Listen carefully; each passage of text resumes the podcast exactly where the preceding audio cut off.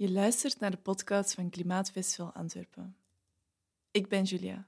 En ik ben Maite. Heb jij een schaamtegevoel toen je het vliegtuig nam? Ik wel.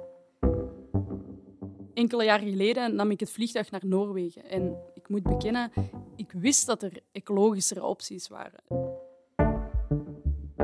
De trein, de auto of de fiets. En ik voelde mij daar heel ongemakkelijk bij. De schaamte die we voelen als we onecologische keuzes maken, noemen we groene schaamte.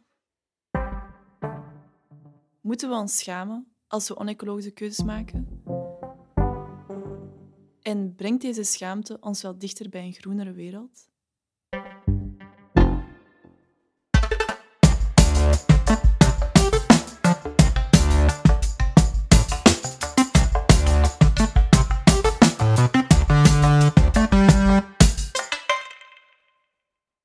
Ik ben Marta Klaes. Ik doe een doctoraat in de wijsbegeerte aan de Universiteit van Antwerpen.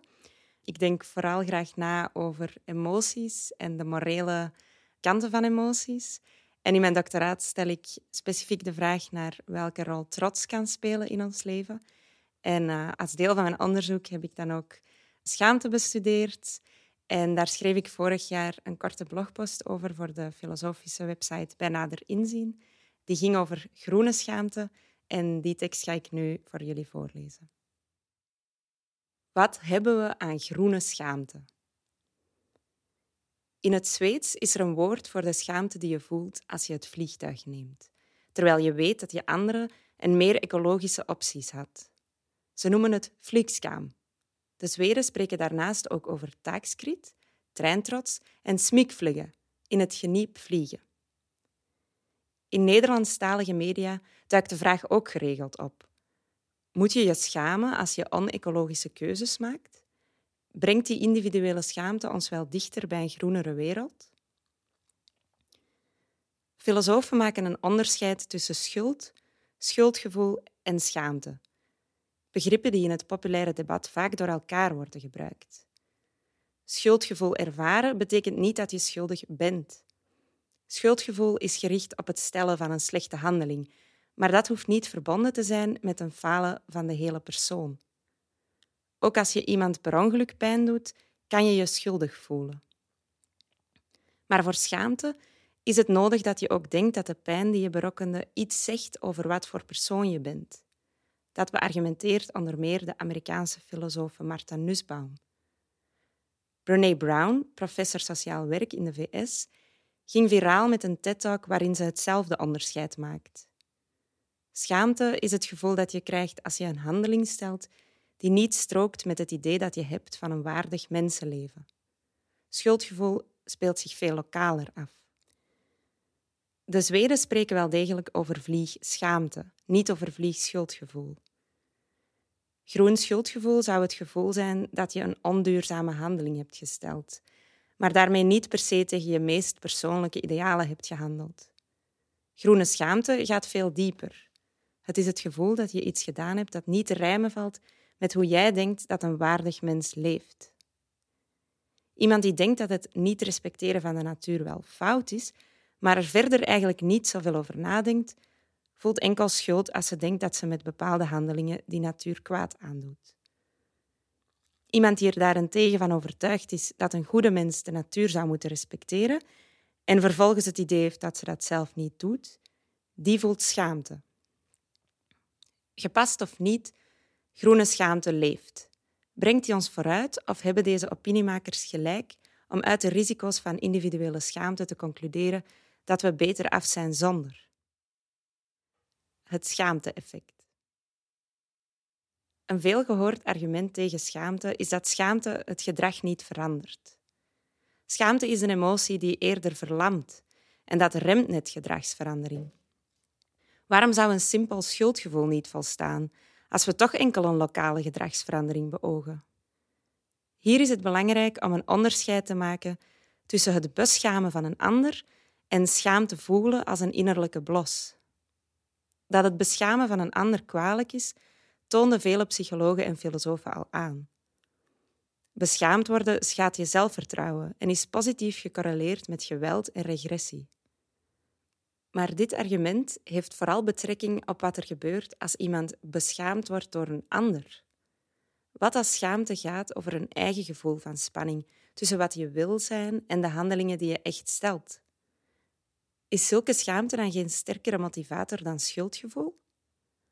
Bovendien argumenteert Jennifer Jacquet, professor in de milieustudies aan de Universiteit van New York, dat schuldgevoel, net omdat het zo lokaal gesitueerd is, zich veel makkelijker leent tot zelfsussend maar misleid consumentisme. We vinken aan dat we onze vlucht willen compenseren met de aanplanting van enkele hectare bomen. We kopen een bamboe tandenborstel en het schuldgevoel verdwijnt als sneeuw voor de zon. Dat lijkt bij schaamte niet zo gemakkelijk.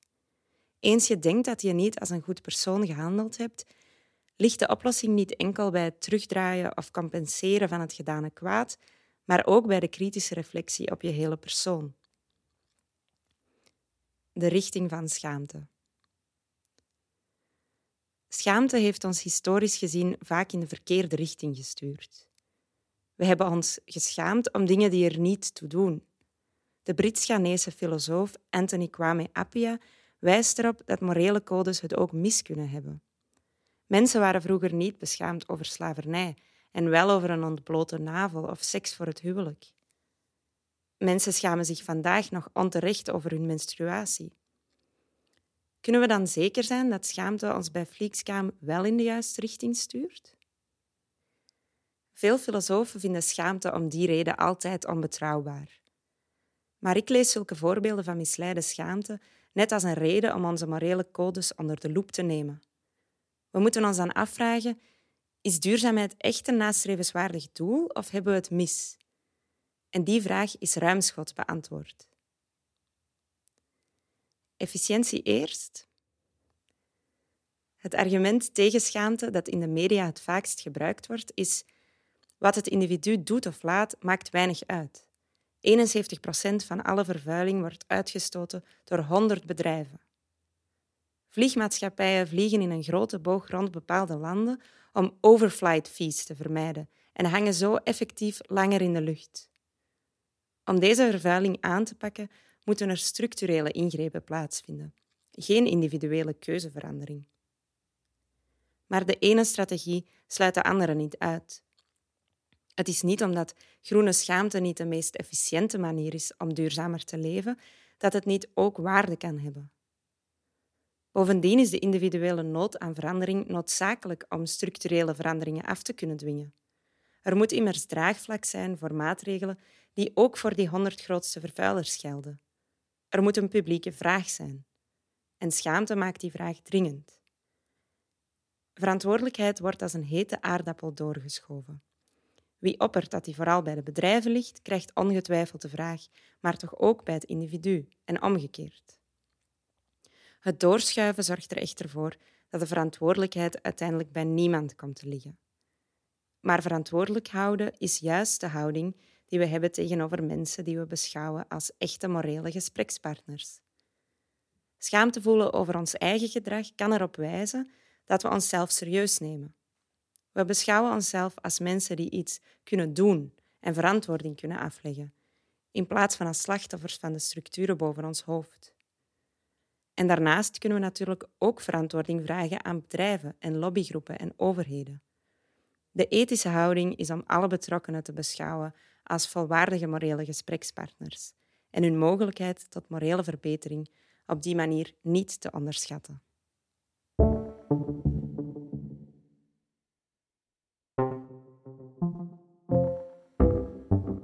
Je luisterde naar een podcast van Klimaatfestival Antwerpen, een project van Troebel.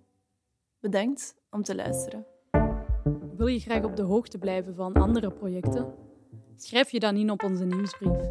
Dat kan op www.troebel.be. Deze podcast is opgenomen in muziekstudio De Kiem. Productie, muziek en opname door Kaat Schild. Beeld door designstudio Catapult. Dank aan 1111 en de burgerbegroting van het district Antwerpen om deze podcast mee mogelijk te maken.